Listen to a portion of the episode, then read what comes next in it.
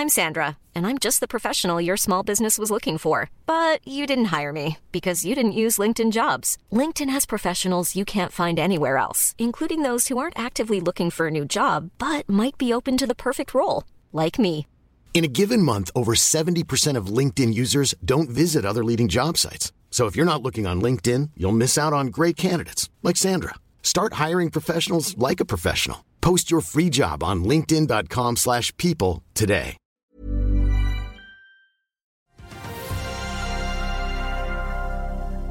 Bankuroen herjer fortsatt. Fed kommer med rentebeslutning, og vi får besøk av ABG-analytiker Håkon Amundsen. Det er onsdag 3. mai, og dette er Børsmorgen.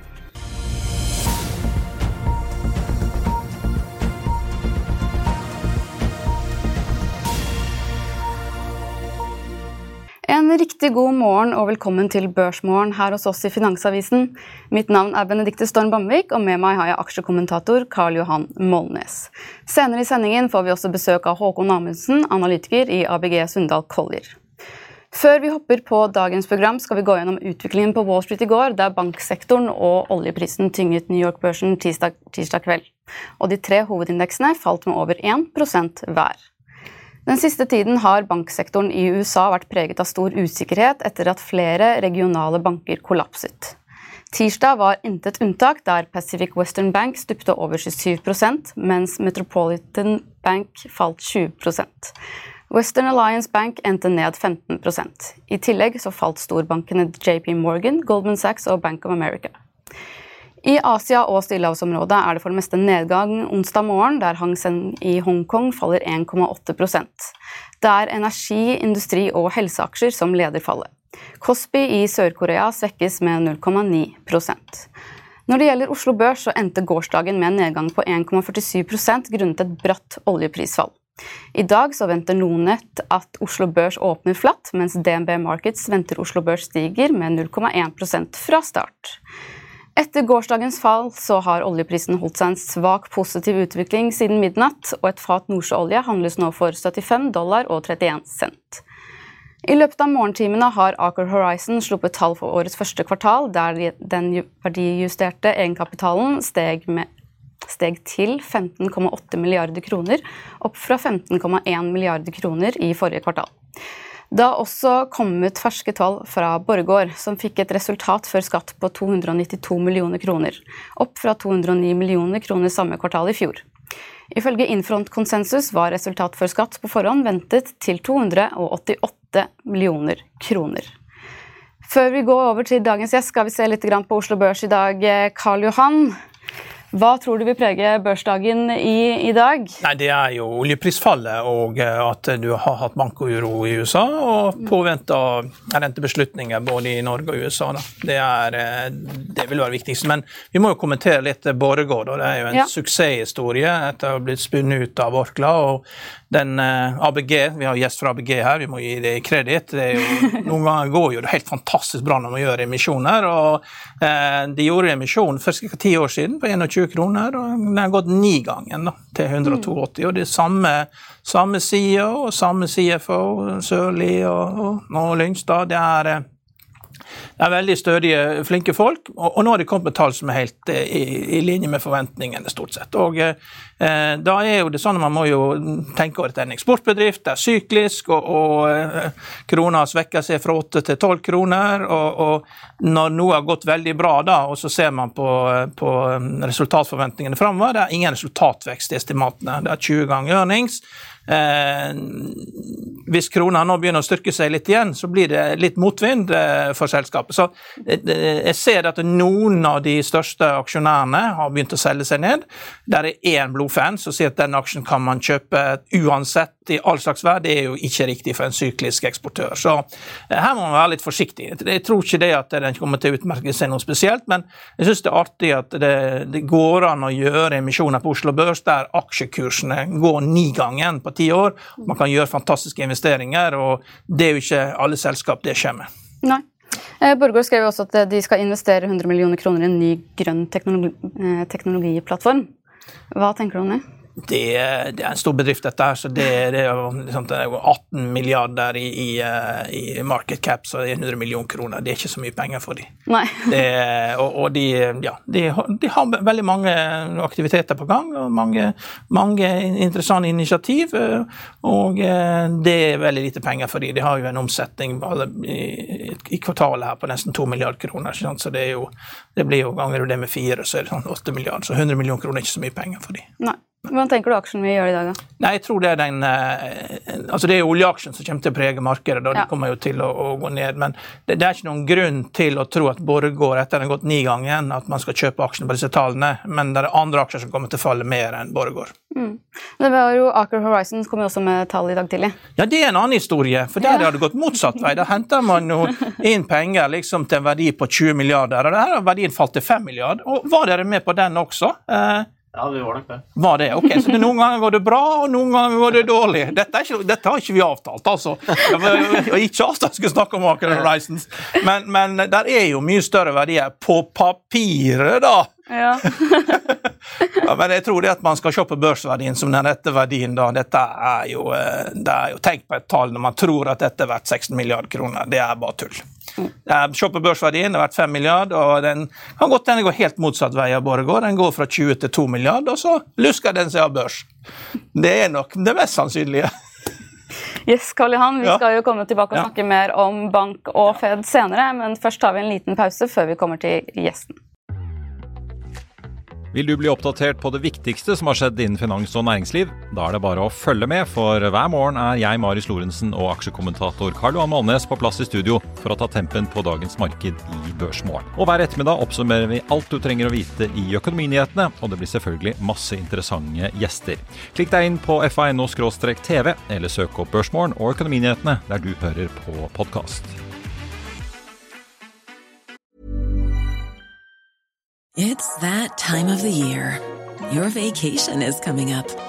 You can already hear the beach waves, feel the warm breeze, relax, and think about work. You really, really want it all to work out while you're away. Monday.com gives you and the team that peace of mind. When all work is on one platform and everyone's in sync, things just flow wherever you are. Tap the banner to go to Monday.com.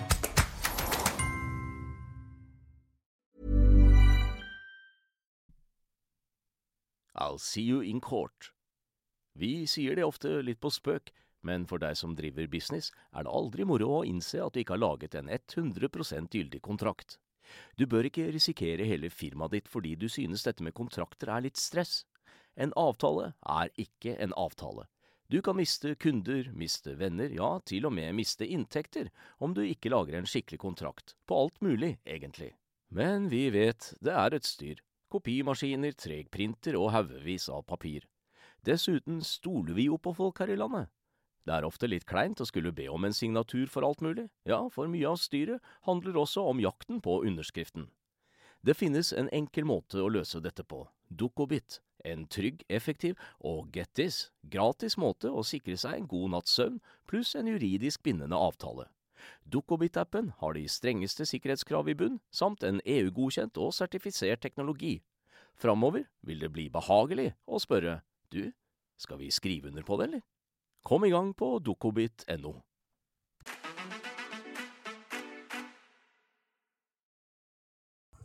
Yes, da er handelsdagen i gang, og Oslo Børs stiger svakt med 0,08 Og Da går vi over til dagens gjest, Håkon Amundsen. Velkommen til oss. Takk for at jeg fikk komme. Yes. Jeg tenkte vi skulle starte rett på.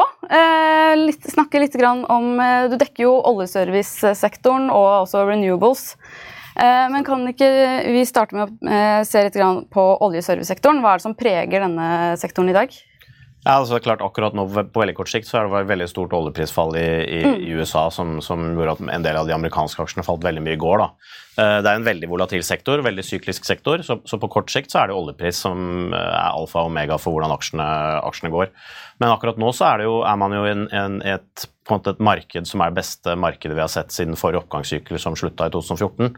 Så, så, i det litt lengre bildet, fra 2022 og også, tror vi, da, de neste par årene, så er det det som preger aksjene og selskapene, er jo at du uh, er tilbake i et sterkt voksende marked med både vekst i aktivitet og marginer. Det er liksom det, det store bildet for, for, for, aksjene. Selv om på kort sikt så er det, så er det usikkerhet på, og volatilitet i oljeprisen. Og, og så klart makro og hvordan oljeprisen går, vil jo være den mest viktigste kortsiktige driveren. Mm. Hva tenker du om oljeprisens nivåer i dag? Altså, altså vi, vi, har en forventning på oljepris som ikke ligger så veldig langt unna det nivået her, ikke sant? rundt 80 dollar. Uh, og, og det, er mange, det, er mange, forskjellige moving parts. Uh, uh, oljeetterspørselen svekkes jo ved at, ved at makro blir litt svakere. Samtidig så er det begrensninger på tilbudssiden som man ser antydninger til. Både potensielt bortfall av russisk produksjon og, og, og, også mer og mer snakk om at man kanskje når etter hvert et platå i nordamerikansk produksjon. Så, så, så, alt i alt så tenker vi at det er liksom et fint balansert marked rundt, rundt uh, type 80 dollar, med mindre, med mindre, det skjer noe uforventet svakt på, på, på etterspørselssiden. da. Og, og, det tror vi er en oljepris som fungerer veldig bra for, for oljeselskapene, men også for, for oljeserviceaksjene. Mm. Hvorfor er det slik at du, du spår eh, oppgang eller positive utsikter for segmentet i den tiden som kommer fremover nå? Det, det, som skjer er jo at Vi har hatt, eh, vi har hatt en veldig lang periode med uh, fallende og svake investeringer i industrien. Det har jo vært ekstremt tøffe forhold helt fra 2014 og fram til egentlig uh, 2022. Uh, og, og, det har vært store reduksjoner i kapasitet, uh, veldig lave investeringer. Uh, og, og, det som har skjedd nå, er jo, for, er jo, egentlig to ting. For det første så har du fått et, etter covid et, et oljepris, en oljeprisrecovery som gjør det fornuftig for så vidt økonomisk å investere i olje og gass. Men, men, i tillegg til det så har jo invasjonen av Ukraina gjort at energisikkerhet er blitt mye viktigere. Eh, og Det ser du resulterer i at oljeselskapene øker investeringene. og Når du da kommer fra et ekstremt tøft marked i så mange år, og du får en økning i investeringene, så, så får, du, får, du, vekst i industrien uh, og, og, bedre marginer. Uh, og Vi ser at i 2022 så har det vært veldig høy vekst i investeringene, kanskje 15-20 og vi tror at både i 2023 og 2024 at du i hvert fall får double digit vekst i investeringene. Det er den viktigste driveren for hele industrien. Mm. Kan det komme noen overraskelser innen uh, oljeservice uh, i 2023? Det kommer alltid noen overraskelser. uh, vi får håpe at det ikke er oljepriskollaps, men, men, men, men, det er klart at det, det, som er litt interessant i industrien, det er jo det at selve, selve oljeserviceindustrien har blitt veldig forsiktig med å gjøre nye investeringer i ny kapasitet. Det er for det første fordi veldig mange av de har hatt store balanseproblemer og, og det har vært stor overkapasitet. Eh, så det sitter veldig langt inn å øke kapasiteten. Eh, og samtidig så øker jo etterspørselen med at investeringene går opp. Eh, og det gjør at det blir, det blir veldig interessant å se om, om, om dette her holder. Da. Om oljeserviceindustrien fortsetter å være veldig disiplinert og forsiktig på kapasitet. Eller om det blir så sterke utsikter at man blir lokka utpå, bestiller nye rigger eller den type ting. Vi tror jo det sitter veldig langt inne, men, men det blir spennende å se. Nå har jo Tre av verdens største oljeserviceselskaper de lagt frem eh, tall. Eh, kan du ikke fortelle litt om eh, hva de sa? Det var jo Slumberger, Halliburton og Baker Hughes. Ja. Stort, stort, sett så har det vært relativt gode tall. og de, de selskapene har jo også beholdt egentlig de, de, de utsiktene de har hatt på, lang, på lengre sikt. Et sånn type, en, uh, type uh, uh, måltall som vi, som vi, følger veldig mye ned på, det er hva Slumberger sier om vekstutsiktene. Slumberger er jo det største oilservice-selskapet og blir veldig av mange investorer brukt som en sånn proxy på hele industrien. og De har jo sagt at de forventer en sånn gjennomsnittlig inntektsvekst på 15% i året fram til 2025. Og Det er jo typisk da det man forventer at industrien vil, vil vokse med. og Den, den, den guidingen beholdt jo på på, på førstekvartalspresentasjonen. Det, så, det store bildet er jo at utsiktene for vekst er beholdt. Eh, eh, men det, andre bildet er jo at de, snakker jo også litt om at de begynner å se litt svekkelse i veksten i Nord-Amerika, mens, offshore, eh, hvor de fleste norske selskapene er involvert, der er det enda, kanskje enda sterkere momentum enn det de la til grunn tidligere. Og, og, Det kan, man, kan, jo indikere at rundt de oljeprisene man har nå, så er veksten i nordamerikansk aktivitet litt mer sårbar. Og ref også den, det temaet med at det er mulig at man ser en platå uh, i amerikansk produksjon litt lenger fram i tid. Mens, mens offshore så, så, så, er det sterke utsikter, og det, det beholdt de når de hadde Q1-presentasjonen. Mm. Disse uttalelsene er de overførbare til oljeserviceselskapene her også i Oslo? Ja, eh, det er jo egentlig det. For det er klart at eh, mye mye av det her drives jo av egentlig to ting. Det er om oljeselskapene leter offshore, og om selskapene bygger ut prosjekter offshore. Det er jo det som drar utsiktene til Schlumberger. Og Det er jo også det som drar utsiktene til de norske kan du si, offshoreselskapene. Selv om man er riggselskap eller subsea-selskap, så, så, er det in the end så er det jo de to tingene som, som påvirker inntektene. inntektene. Så, så, det er veldig overforbart, selv om man skal være forsiktig med å se på enkeltkvartaler opp og ned i de forskjellige segmentene, for det er litt forskjellige timingeffekter. Men det store bildet er jo veldig overførbart. Mm. Snakker om enkeltkvartal. Eh, nå kommer jo ja. Aker Solutions med tallene for, eh, for, Q1. De kommer jo i morgen. Ja. Eh, hva, hva, er det du venter eh, fra Aker Solutions? Ja, altså, altså, det, er egentlig, det, er egentlig, et par ting å følge med på der. Det ene er jo ene er at ordreboka deres øh, kanskje sniffer på 100 milliarder kroner. Uh, uh, og Det skyldes jo selvfølgelig at de fikk et voldsomt mye ordreinntak i forrige kvartal pga. Den spesielle skattepakka som gjorde at Aker BP bl.a. sanksjonerte mye prosjekter. Og så I tillegg til det så er det et generelt bra eh, momentum også utenfor Norge, selv om Aker Solutions er størst i Norge. Da. Så, så, så, det blir interessant å se akkurat hvor, hvor, hvor stor den ordreboka blir nå i første kvartal. men tipper den ligger litt i underkant, eller rundt, rundt 100 milliarder.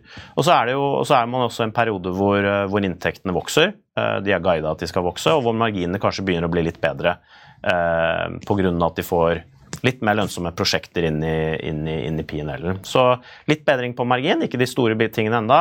Eh, vekst i ordreboka og, og vekst på topplinja er jo det, er det som kommer. Og så er det et par viktige ting å følge med på. De har jo solgt seg ned i dette subsea-businessen hvor de har et joint venture med Slumberger. Så det blir interessant å høre at, om det, og det forventer vi jo, men at, er, at, de regulatoriske prosessene der er on track da, i forhold til godkjennelser osv. Mm.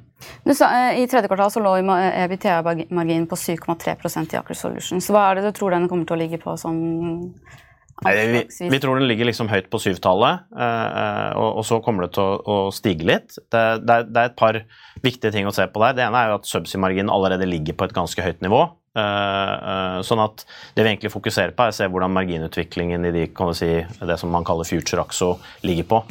Der har de hatt mye lavere marginer, men, men, der tror vi at det kan komme litt bedring i kvartalene og i hvert fall et par år framover. Så med sånn høyt på syvtallet og etter hvert opp, eh, opp, den, eh, det, det, opp på åttetallet, tror jeg vi kan, tror vi kommer til å se om ikke altfor lenge på, i Aker Mm. Hvilken anbefaling har du egentlig på vi har, vi har, kjøp på Aker Vi har veldig mye kjøpsanbefalinger i, i, i Oil Service akkurat nå. for Vi tror utsikten er veldig bra, og de kommer fra et ekstremt lavt, uh, lavt sted. Så det, det, eneste vi har vært forsiktige med, det er jo de selskapene som ikke har vært ferdig restrukturert ennå. Uh, men, men, nå er jo de fleste av de prosessene over, så, så vi har kjøp på Aker og det er en av de aksjene vi liker godt. Hvilket kursmål er det dere har satt eh, der? Vi opererer med 40, 48 kroner vi hadde i, i kursmål på, på, på uh, Aksjelution. Så vi, vi, det, det, vi gjør, er at vi ser på hva vi tror er verdien av subsea-businessen, som prises på en måte uh, sammenlignbart med internasjonale subsea-selskaper. Og så har du jo en god, del av, uh, en god del penger som kommer inn fra den transaksjonen. Og så, og så har du den gjenværende kan du si, future axo, eller den norsk sokkelorienterte businessen. Så vi, vi, ser på summen av de tre delene, og så, så kommer vi opp til en verdi liksom, høyt på 40 40-tallet. Og nå er jo aksjen høyt på 30-tallet, så da tror vi det er fin oppside. Mm. Og så kommer jo Hexagon Purus, det er jo et annet selskap eh, du dekker. Eh, og De kommer jo med tall neste uke, er det ikke det? Mm. Og Hva er det du venter fra Hexagon eh, Purus? For den har jo falt ganske mye nå, særlig etter at de meldte om den emisjonen. Ja, en liten disclaimer der er jo at vi også var, var rådgiver i den emisjonen, uh, for å ha sagt det. Men, men, uh, men det, det, som er situasjonen for Hexagon Purus, er at det er et hydrogenselskap. Sterk vekst. Vi, vi, tror de kommer til å fortsette å levere på de målene de har satt, de de har satt seg. så det viktigste for, for Hexagon Purus når de, når de rapporterer første kvartal, er ikke nøyaktig nøyaktig hvilke revenue EBTA de, de, leverer akkurat det kvartalet, men det er jo å se at de på en måte er eh, on track i forhold til den, den veksten på, på, nesten 50 på, på, på, topplinja de skal levere for 2023. Og også at ekspansjonsplanene, eh, de utvider jo produksjonskapasitet, at alt dette her går som går som forventet. da. Så, de har jo en veldig smart plan da, ved at de uh, har liksom adoptert det hydrogenklare, sånn at de har løsninger som også kan bruke hydrogenprodusert av naturgass. slik at det, det, er ikke så helt avhengig av fullstendig grønn hydrogen. og Det er jo en veldig smart tilpasning i den politiske verden vi er i. fordi uh, grønn hydrogen alene, den ideelle fordring, den er vanskelig å leve opp til. Ja, det er klart, de, de, jobber jo primært med liksom lagring, eh, og de har disse type firesylinderne som, som brukes til å lagre høytrykksgass. Så det er jo, som du sier, uavhengig for dem hvordan man har produsert, produsert hydrogenet. Så, så, det er jo litt annerledes enn andre hydrogenselskaper som er veldig fokusert på, ja. på en produksjonsmetode. Ja. Det er det. Mm. Hva tenker, Jeg kan nesten spørre dere men, om hydrogensegmentet fremover? Ja, det, er, det, er, jo et ekstremt spennende segment. fordi det er jo det er utrolig store insentiver som gis fra myndigheter både i USA nå og Europa for å bygge ut hydrogenindustrien. Eh, så, så altså, at, det blir et, at det blir voldsom vekst i hydrogenindustrien totalt sett, det, det tror jeg føler jeg meg veldig komfortabel med å, med å forvente. Eh, men så er det jo klart det er en ny industri, og, og, og selskapene kommer fra, et, fra, et, fra, veldig lave nivåer i forhold til liksom, inntekter, produksjon, kapasitet, og så skal det ekspanderes og investeres mye. Så, så her kommer til å bli veldig store utfall på enkeltselskapet, hvem som lykkes, hvem som ikke lykkes, hvilke nisjer som blir som faktisk kommer til å fungere. Eh, eh, men, men at, det blir, at, det blir, voldsom vekst i industrien gjennom hele infrastruktur og alt, det, det tror jeg det blir. Så, og så, blir det, så, er, så, er, det sikkert veldig mange investorer som vil ta en approach og si at hvis den industrien vokser, så, så kan man ha noen, noen, eh, noe eksponering mot den industrien. Eh, men det er klart det vanskelig å plukke eh, enkeltting og si at dette blir vinneren. Men, men, eh, jeg tror industrien kommer til å ha, veldig sterk vekst de neste, de, neste, årene. Det, er jo slik at Hydrogen følger jo etter. ikke sant? Jo, først hadde du vinnerindustrien, og den oppførte seg veldig lenge som en voksen industri. Nå er det mer sånn 40-årskrise og begynte å bli litt gæren og bruker mer penger enn man burde ha gjort. og sånn.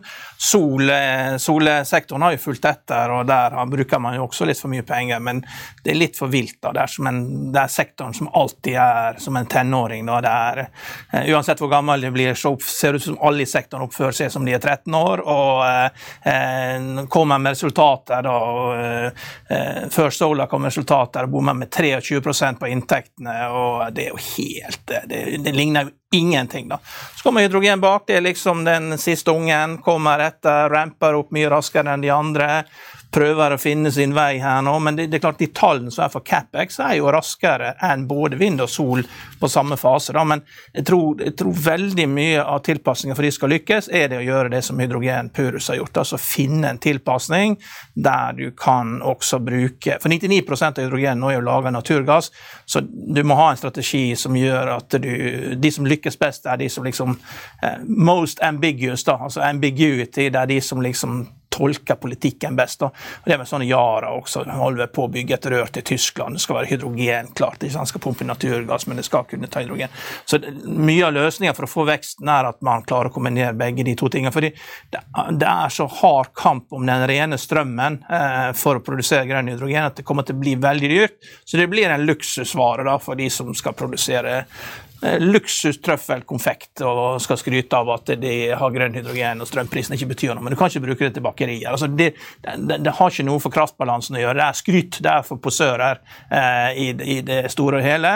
Og det blir liksom det, det Fornybarindustri ser mer og mer ut som at det, det, det er det luksusen vi tar, overflødighetshornet. Vi bruker det til å stabilisere økonomien, og vi mangler ting å gjøre. Før så bygde man veier, nå gjør man grønne, store prosjekter og lanserer enorme. Men en gang det mangler penger, så stenger man ned Klemetsrud eh, biogass. Sant? Der venter i to år. Og, og, og, sånn sett, og det ser vi også i USA med Inflation Reduction Act nå, at, eh, at eh, Manchin nå foreslår det at ja, kanskje man skal se på noe av, og ta bort noe av det, de mest uh, unødvendige tingene i Inflation Reduction Act. Da. Så det blir en slags, uh, ja, en slags pengepolitikk, nei, ikke penger, eh, en finanspolitikk, rett og slett, der du stimulerer og av og på med gassen for økonomien. Du kan trykke skikkelig på hvis du vil, men kan også holde tilbake. Men der det virkelig, når virkelig staten mangler penger, sånn våpen til Norge, 11 milliarder kroner, så er det penger på bordet med en gang. Det er mye mer sånn eh, den økonomien vi er i. Så jeg tror det er dess mer vi er i en krigsøkonomi, dess mindre penger blir til fornybarsektoren. Snakker om fornybart, Er det noen eh, selskaper innenfor fornybart eller hydrogen som du eh, ser på med stor oppside nå fremover? Nei, altså vi, vi, liker jo heksagonselskapene. Ja. Uh, og, og, det skyldes jo at nettopp litt av det du var inne på. altså De har jo en sånn industriell historikk da, med å produsere det, mye av utstyret og de, de, de produktene leverer til naturgass. Uh, og, og, nå er liksom på en måte overført til hydrogen, så de har en veldig sånn lang industriell track record da, uh, uh, som, som, gjør at man, kan liksom, man kan ha en litt komfort med hva slags lønnsomhet de har ved å produsere de enhetene. Eh, samtidig så er det litt sånn nisjemarked med litt mindre konkurranse. Noen, noen, av, noen, av, segmentene innenfor hydrogen er jo preget av ekstrem etablering av nye selskaper og, og, høy konkurranse, som gjør at selv om du får en veldig vekst i hydrogenmarkedet, som vi forventer, så kan det bli så kompetitivt at, at man kan være usikre på marginene. Så, så heksagonselskapene er jo, er jo, eh, er jo aksjer vi liker innenfor, eh, innenfor det spacet. Hva med innen oljeservice? Er det noen aksjer her som du anser som billige nå? Altså de, eh, innenfor, innenfor min, min, coverage så syns vi både Aksjelutions og Subsea 7 er, er, er, bra aksjer å eie. Subsea 7 har jo falt litt med, med oljeprisen uh, uh, siden oljeprisen begynte å falle. Uh, Utsiktene er egentlig uendra, estimatene er uendra, så, så, der har du fått en ganske bra multiple kontraksjon. Subsea 7 er nok en av de jeg ville, ville, ville tatt her. Og så, så syns også Aker Solutions eh, ser ganske bra ut. Det er litt mer komplisert case, eh, men, men eh, Subsea 7, hvis jeg skulle valgt en, Mm. Hva med de som er litt mer risikofylte? Da? Du har, har, du noen aksjer som du har satt på og holder har salgsanbefaling på nå? Ja, altså vi, vi, vi, har, har, vi, har, egentlig ikke det. Altså hadde, hadde, vi, hadde, en litt avmålt eh, holdning og hold på, på Archer, nå, men nå er, den, nå er, jo den, restruktureringen ferdig. Så får vi se hvor, se, prøve å se på den med litt nye øyne i lys av den eh, restruktureringen som er gjort. Uh, vi har jo også kjøpsanbefaling på en del mer risikable uh, aksjer. Et, et, eksempel av de aksjene vi liker, men som så åpenbart er ganske mye høy risiko, er jo Prosef. Eh, som er fortsatt relativt høy gjeld, selv etter om de har gjort restruktureringen. Og så litt sånn nisjemarked med litt lavere visibilitet. Da. Så, så, så hvis man skal ha litt mer, litt mer risk da, uh, i, i, i, sektoren enn en Subsea Seven, som er et veldig robust og solid selskap, så, så er Prosef et eksempel. Hvor mange boligrigger er i drift i Nordsjøen nå, sånn cirka? Nei, det er jo bare, egentlig bare et par stykker, kan du ja, si. Altså, ja. fra, så, så Prosef har et par stykker, Flotel har et par stykker, og Jack Tell som har en jackup. Så det er en håndfull en håndfull rigger. Eh, og, og, det er også et segment som kommer litt senere i gang, for det brukes jo ofte når du gjør det fysiske jobben på norsk sokkel. og som Aker Solutions har veldig høy ordrebok akkurat nå, så har ikke det begynt å jobbes på fysisk ennå. Så det tar litt tid før det markedet kommer. og Derfor så er markedet litt mer usikre på, på, på, det segmentet akkurat nå. Ser det i hvert fall ut som på, i aksjekursen, f.eks. Til, til Prosef. Så det mener vi er en opportunity. Mm. Rett før vi avslørte nå, så tenkte jeg bare skulle spørre litt om hva er det dere holder et øye med i markedet fremover? og Hva vil være viktige drivere for sektoren din eh, som du dekker fremover? Ja, ikke sant? Så det er jo klart at det er, det er, eh, et par veldig viktige ting som dekker hele sektoren. Det er en åpenbar er oljepris, som vi snakka om innledningsvis. Men, men andre å følge, følge, med på som, som vedrører alle selskapene, er jo investeringsnivået til oljeselskapene. Så vi, vi følger veldig mye ned på, på Capex-tallene fra de store oljeselskapene og alt, alt, som det er mulig å trekke rundt det. da, Og se i hvilken grad liksom, utsiktene for, for de investeringene flytter seg i forhold til våre forventninger. Det er de to på en måte kall det uh, på høyt nivå, da, de to driverne som er viktige å følge med på. Mm. Tusen takk for at du kom, Håkon. Yes, eh, Karl Johan, skal vi ta og prate litt om Federal Reserve? De venter, det ventes jo at de skal sette opp renten med en kvarting i kveld? Ja, og det er 85 eh, mente det i går. Og når det er over 80 så, så, mener mener noe, så bruker det å skje. Og jeg har ikke noe mer synspunkt eh, utover det, at det blir en kortingsøkning. Eh, og hva de vil si utover det, det er det ingen som vet. så, men det, det, viktigste som skjer, er jo at vi Det er jo problemer med bankene i USA. og, og Uh, Jamie Diamond sa at nå er uh, dette over, og det, uh, det, det, var jo det ikke, fordi det er klart de var jo den eneste som bød på, på First Republic Bank. Og selv om at Federal Deposit Insurance Corporation tok inn US Bank Corp og, og PNC til også å være med, da, så er det veldig tydelig at det, det, det var ikke reelt. Her får man jo liksom 13 milliarder dollar da, i, i, i, kostnader, altså i, i, 70 dollar per aksje på en aksje som var 3,5 eh, dollar i verdi for å ta over banken. og klart, Da er det store tap. Men, og, og, det får man til å gå og se på hvilke andre banker er i samme situasjon. og Det var et veldig kraftig eh, kursfall i går. 7% ned på regionbankindeksen og 10% ned på Comerica og ja, 20-30% ned på de svakeste bankene. Så her blir det veldig mange andre banker som blir eh, eh, slått sammen og lagt inn i andre banker. og eh, Da er man jo selvsagt redd for hvilke konsekvenser dette får. og det vil jo bli at de aller største bankene må konsolidere dette. og Kanskje noen av de også må hente inn kapital for å gjøre det, eh, for å styrke sine egne balanser.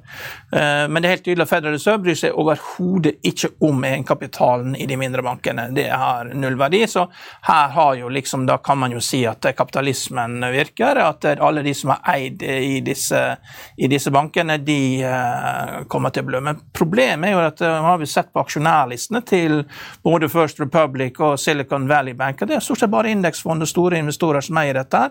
Det har ikke vært noen venturefond inni dette. Det eneste, det er noen få avvik, da, men Alekta i Sverige, forsikringsselskapet, er den eneste som var inne i begge to. og De var vel også inne i Signature Bank.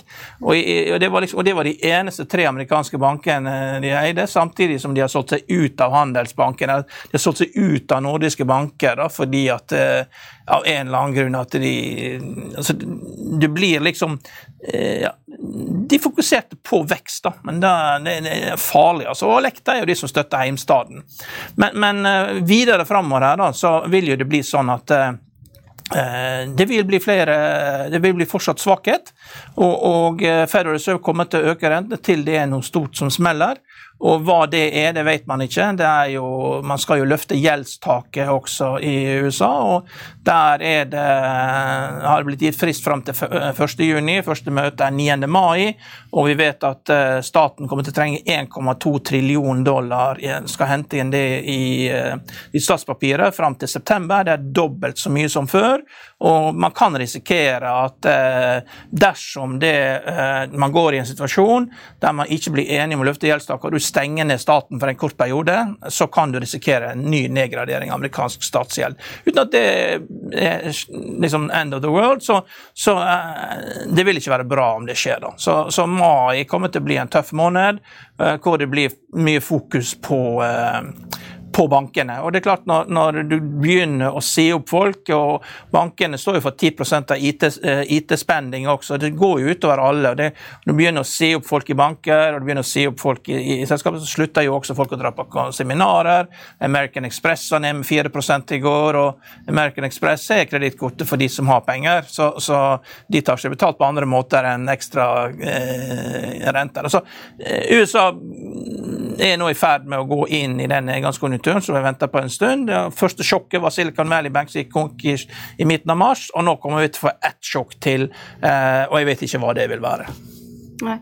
Men hva tenker du, eh, Dette her skjer jo hovedsakelig nå i USA, men det smitter jo litt over nå til Europa og Asia. Hva, hva, det er klart det. Det, jo tilgang, har jo påvirkning på tilgang til kreditt, og det er jo tilgang til dollar. Så det er jo Vi er jo en del av dette her. Eh, hele verden er jo en del av det, så alle blir jo ramma av det.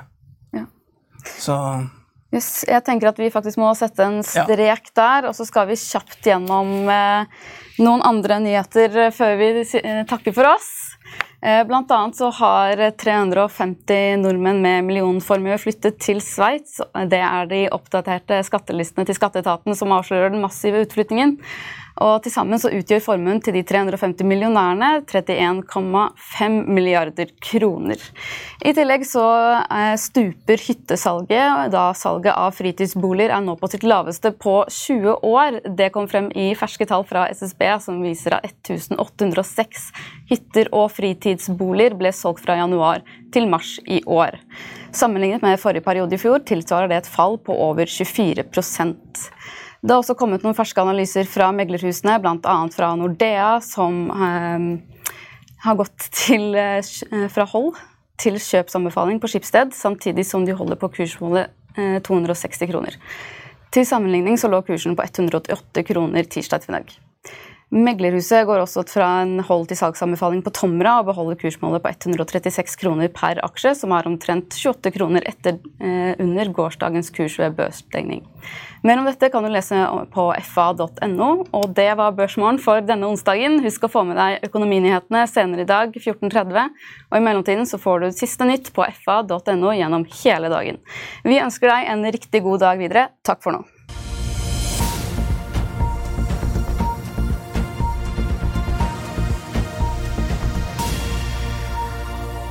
Økonominyhetene er en podkast fra Finansavisen. Programledere er Marius Lorentzen, Stein Ove Haugen og Benedikte Storm Bamvik.